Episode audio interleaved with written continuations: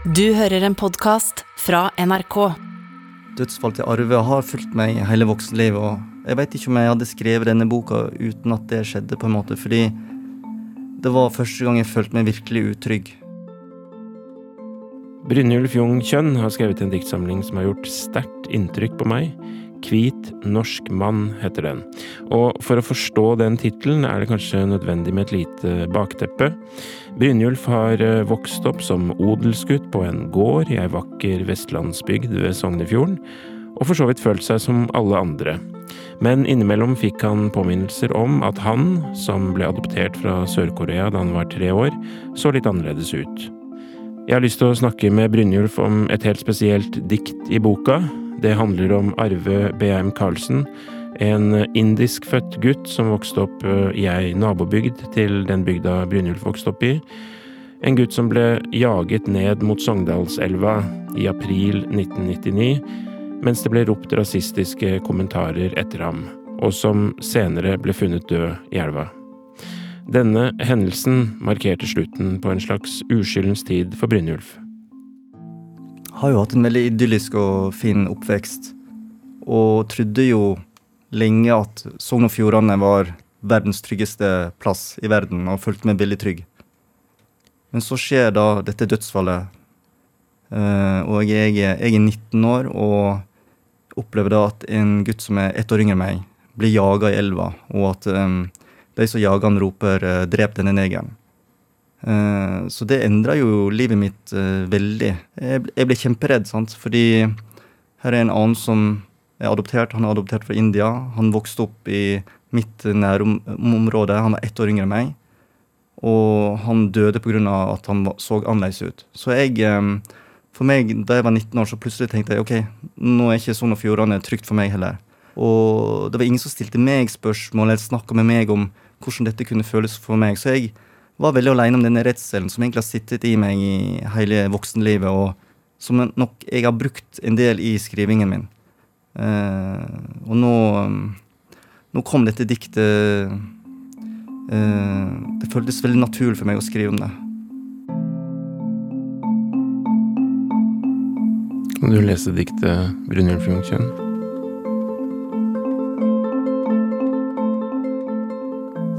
Jeg er den brune gutten som springer over brua. Jeg er den brune gutten som springer under brua. Jeg er den brune gutten som springer ut i elva. Jeg er den brune gutten som seinere blir funnet i vatnet. De ropte drep denne negeren. Men det var ikke meg. Jeg er ikke brun, jeg er gul. Jeg åpner de smale øynene mine og lese om Arve B.M. Karlsen. Han er ett år yngre enn meg, adoptert fra India.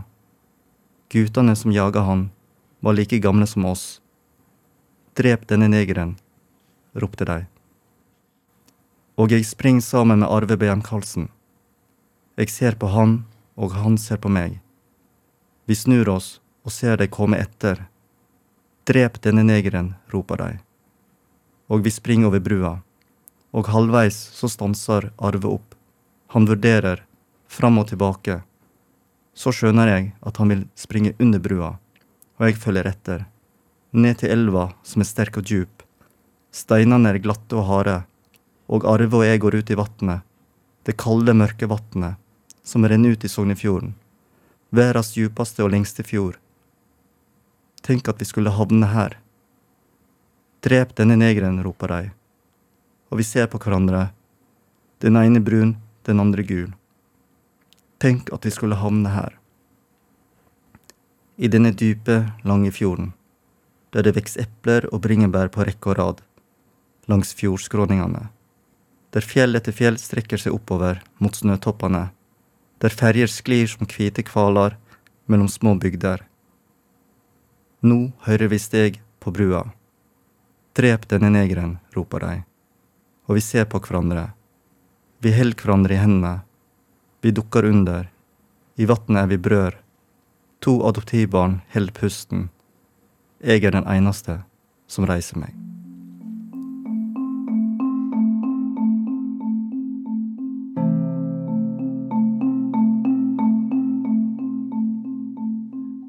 Altså Arve BM Karlsen øh, følte seg både mobbet og, og opplevde flere sterkt rasistisk motiverte hendelser før han, øh, han døde. og diktet ditt, Brynjulf, det går jo inn på, på det tidspunktet, den fatale kvelden i april 1999, hvor han mister livet. Det interessante der er jo at jeg var i Sogndal Lurer på om det var et par dager etter det skjedde, og las liksom i VG, dobbeltside i VG, det tror jeg var på forsida, satt i en buss der jeg var kanskje på vei hjem, og jeg bare liksom følte at hele verden endra seg for meg, da. Fra å være verdens tryggeste sted til, eh, til at plutselig var, var ikke dette et trygt sted for meg, eller sånne som så ut som meg, da, som hadde annen hudfarge. Og eh, jeg veit ikke om jeg under oppveksten følte meg så, hadde følt meg sånn særlig utsatt for dette med å se annerledes ut. Fordi jeg vokste opp i et veldig lite sted med 250 innbyggere og var veldig beskytta og levde et trygt liv. Men på denne tiden da dette med arve skjedde, så var jo jeg 18-19 år på vei ut i verden og ferdig på videregående. og Sånn at det, det, var en veldig skummel start på mitt uh, voksenliv utenfor min trygge, uh, trygge heim, da. Og hver gang jeg er tilbake i Sogndal, så tenker jeg jo på dette her. Hver gang jeg er ved fjorden der, eller so Sogndalselva, som man kjører over der, så tenker jeg jo på det som skjedde. selve Sogn er utrolig Og det, det har jeg jo sett mer og mer når jeg har flytta ut er jo utrolig idyllisk med, med fjorden og frukttrær og høye fjell og eh, eh, ferjer på fjorden og det, det, er liksom eh, Det er så rolig og idyllisk, da. Og så er det den kontrasten med at, eh, at eh, en som har en annen hudfarge, da ender livet sitt. Min erfaring også, eller min oppleve, opplevelse er at dette var ei sak som på en måte ble fort glemt. Uh, det handla nok litt om at um, um, disse som jaga Arve, fikk en rask uh, dom. Det var ett og tre år. Og det ble ikke dømt etter rasismeparagrafen, og saka ble heller ikke tatt opp igjen. Sånn at saka levde egentlig ikke så veldig lenge i rettsapparatet. Um, sånn at uh, også, også, et par år, uh, år etterpå så, så, skjedde drapet på Benjamin Hermansen, som fikk veldig stor oppmerksomhet. Naturligvis nok. Det var veldig brutalt. Det var veldig tydelig hva som hadde skjedd. Så det jeg tror det med Arve BM Karlsen-saken, er rett og slett at eh, jeg, vet ikke hvor mye som, som nasjon egentlig var helt klare over hva dette var for noe. For det var liksom så uklart. Det var eh, Er dette rasisme? Er dette drap? Vi veit ikke hva som skjedde.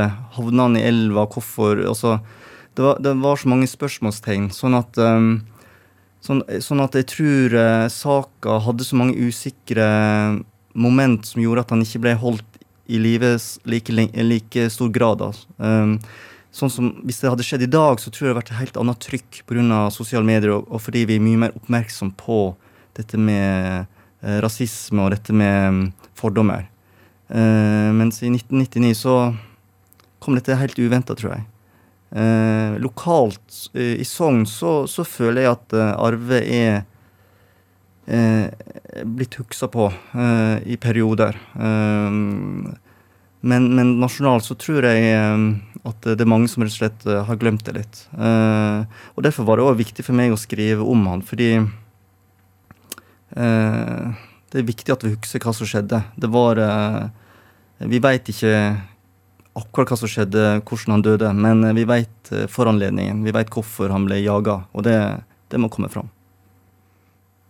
Og så sitter du mange år etterpå og skriver et dikt som inneholder et slags tankeeksperiment, eller jeg vet ikke hvordan du vil ordlegge deg rundt det at du løper sammen med, med Arve?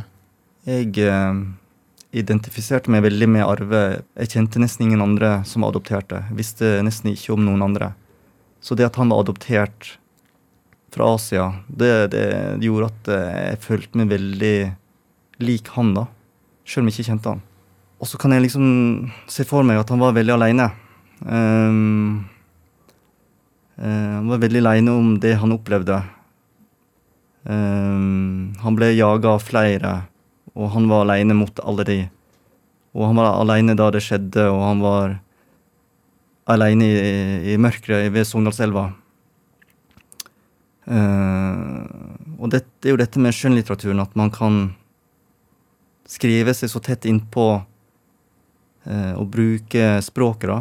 Uh, og det er litt samme jeg gjør resten av forfatterskapet mitt. at uh, for at jeg veit jo ikke hvorfor jeg ble adoptert til Norge, men jeg prøver på en måte gjennom skrivingen min å få ut de samme følelsene. Og det er litt det samme jeg prøver her, da. Å komme så tett innpå jeg kan med skjønnlitteraturen, fordi vi ikke veit hva som egentlig skjedde. Uh, og så er det dette her at uh, jeg prøver å få fram, er jo dette her med å beskrive naturen Altså det Og det er litt absurd i det at uh, to unge gutter fra som egentlig ble født i helt andre verdensdeler, i storbyer, og så skal vi havne i idylliske, vakre Sogn og Fjordane ved en elv, og så er det der, der det forferdelige skjer, da. Så um, det var et dikt som bare, bare kom til meg. Med denne boka, Brynjulf Jungkjønn, så sendte du vel din mest personlige, eller vis-à-vis -vis deg selv mest nærgående boka til dags dato ut i verden. Kan du si hvordan det begynte? Hvordan du, hvordan du begynte å skrive den diktsamlinga? Begynte å skrive noen dikt for um, kanskje et par år siden. Det som kanskje utløste det um, først og fremst, var vel drapet på Johanne Ile Hansen. Uh, som uh, rett og slett ble drept av um, stebroren sin. Og det gikk veldig inn på meg. I etterkant så kom pandemien med korona, hvor um, jeg som med asiatisk utseende eh, begynte å oppleve ting, situasjoner, da, som gikk på det, dette med at jeg var, så asiatisk ut. At eh, folk eh, bevisst eller demonstrativt unngikk meg på gata, eller snudde seg bort eller holdt seg ekstra foran munnbindet, og jeg kunne få kommentarer og Som òg gikk veldig inn på meg, da. Og, um, så begynte Stop Asian Hate i USA, hvor uh, amerikanere med asiatisk bakgrunn uh, rett og slett ble hetsa og angripne pga. korona. Og da begynte òg uh, en del norske med asiatisk utseende å dele sine erfaringer, som jeg begynte å kjenne meg igjen i. Så dette her satte i gang eh, en del prosesser i meg, og jeg begynte liksom å få ting ned på, på papiret. Men jeg følte liksom, jeg var veldig sånn usikker, for det, det var veldig personlige dikt. da. Så jeg satt nok på disse diktene en, en stund, før jeg turte å vise dem fram. Dette er jo opplevelser og situasjoner som jeg har opplevd gjennom mine 30-40 år i Norge. Og som jeg tidligere kanskje har ledd litt av, eller tenkt at dette må jeg bare tåle. Og så skal jeg liksom skrive om det, og så skal jeg liksom reflektere. Er dette egentlig rasisme? Er dette fordommer? Eller er det rett og slett ting jeg bare må finne meg i, da?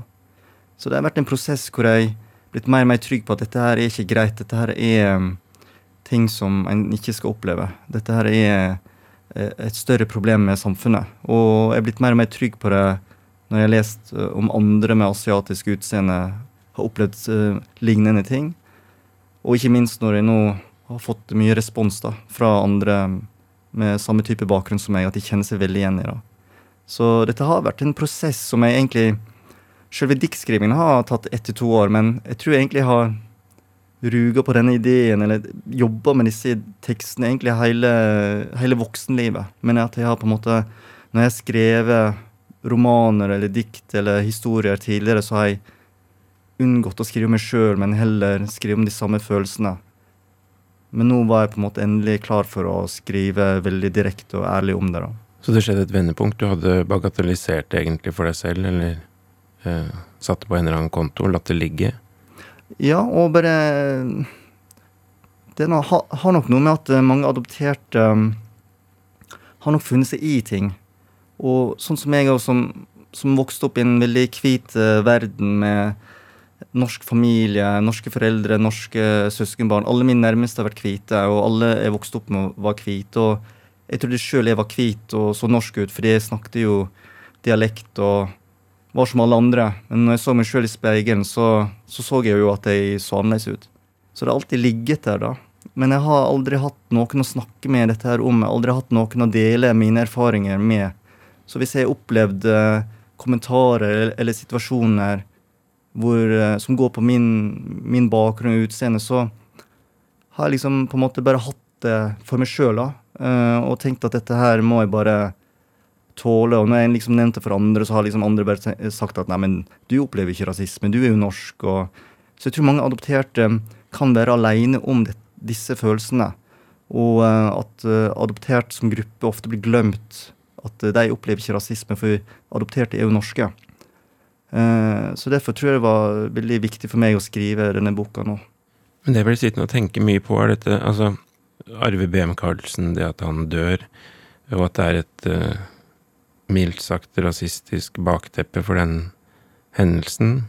Uh, og Johannes-saken, som du nevner, og Benjamin Hermansen.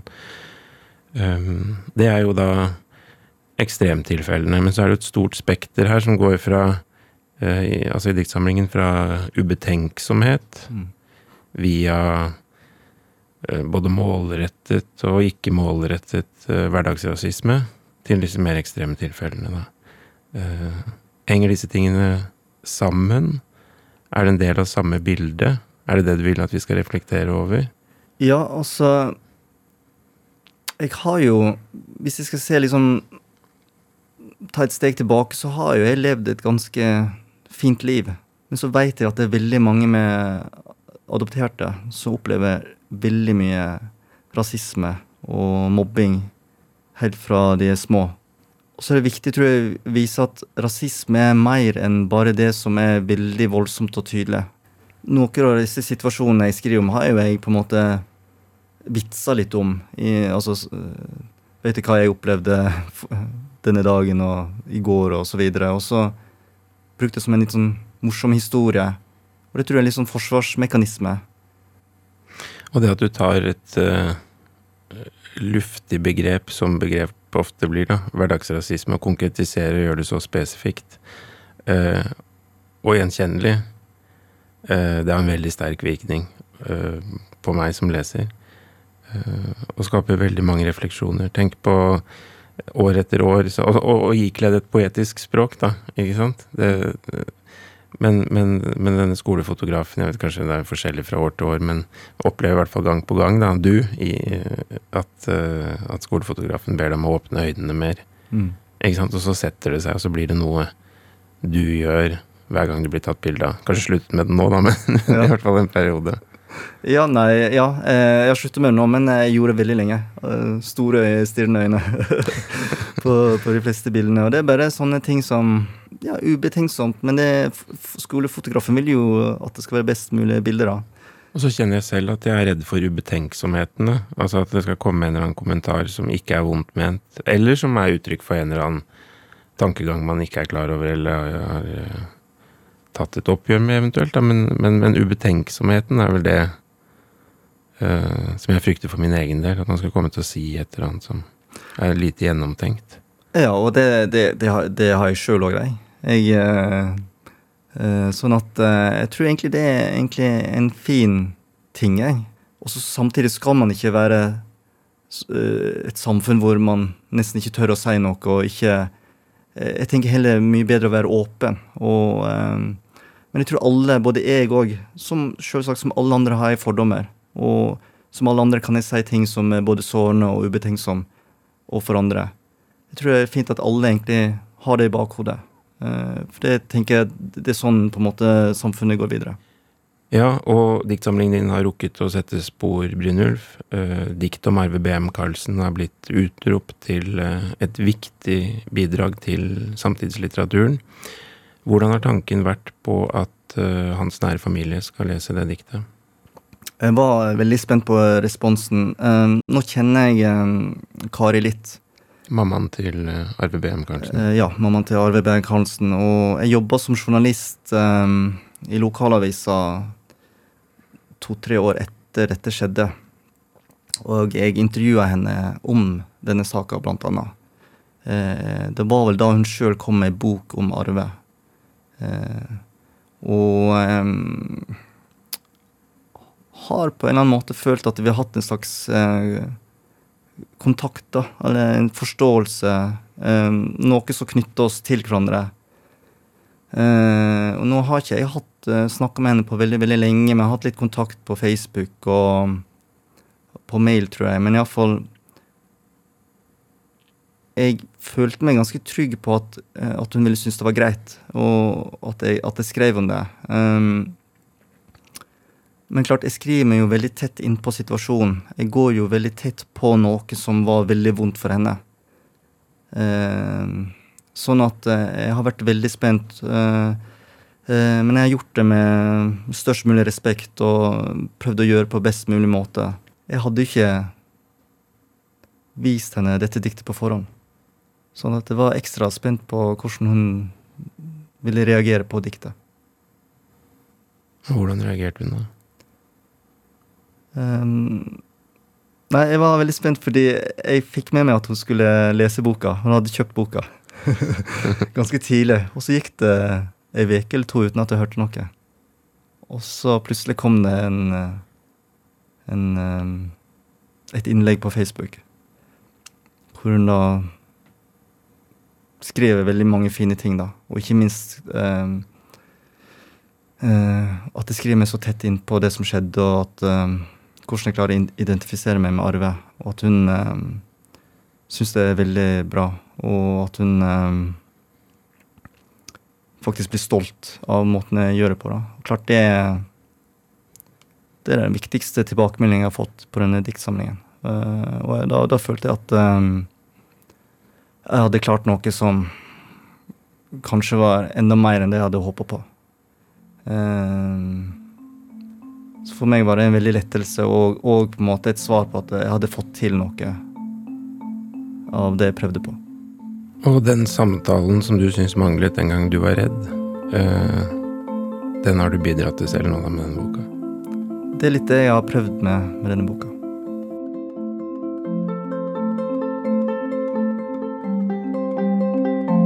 Skal jeg ta sjansen på å lese diktet ditt, da?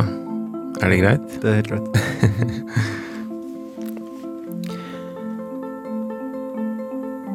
Jeg kjenner jeg blir Altså, det er noe med det alvoret som er i det. Frykten for å ikke klare å fange det helt. Men Nei, jeg, vil veldig gjerne at du leser det. vi får ta det som det er. Ja, jeg vil gjerne at du leser det.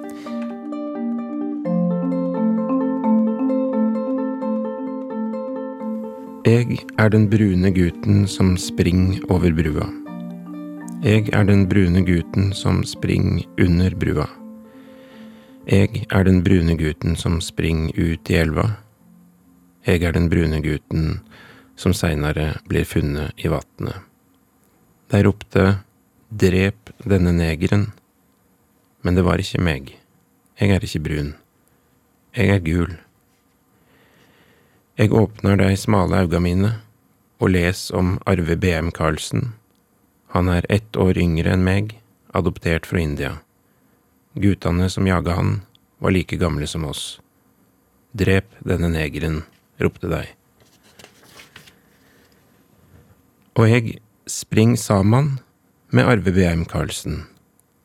Jeg ser på han, og han ser på meg. Vi snur oss og ser deg komme etter. Drep denne negeren, roper de, og vi spring over brua, og halvvegs så stanser Arve opp. Han vurderer fram og tilbake, så skjønner jeg at han vil springe under brua, og jeg følger etter, ned til elva, som er sterk og djup. Steinene er glatte og harde, og Arve og jeg går ut i vatnet, det kalde, mørke vatnet som renner ut i Sognefjorden, verdens djupeste og lengste fjord. Tenk at vi skulle havne her. Drep denne negeren, roper deg, og vi ser på hverandre. Den ene brun, den andre gul.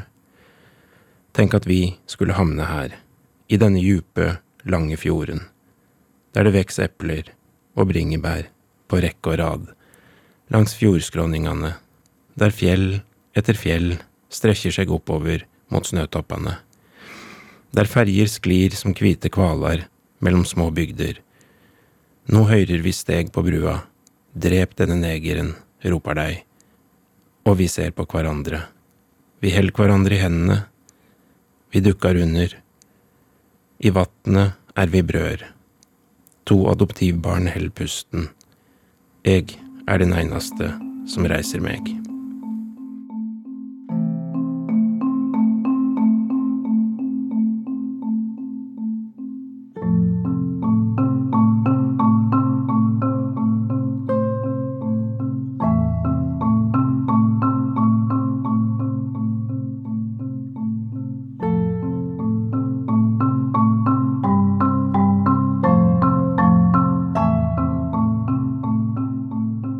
Du har hørt Brynjulf Jungkjønn snakke om et dikt fra diktsamlingen Hvit norsk mann.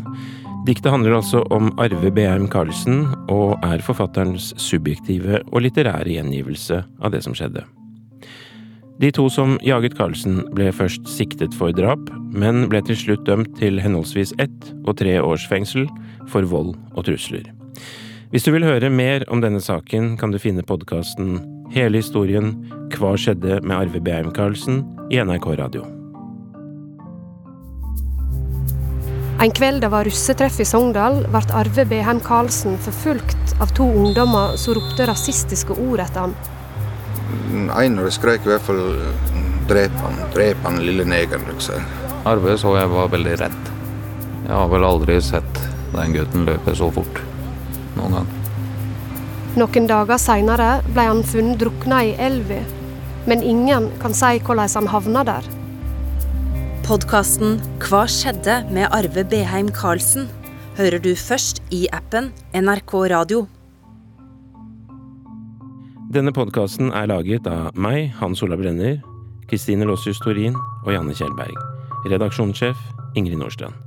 Du har hørt en podkast fra NRK. De nyeste episodene hører du først i appen NRK Radio.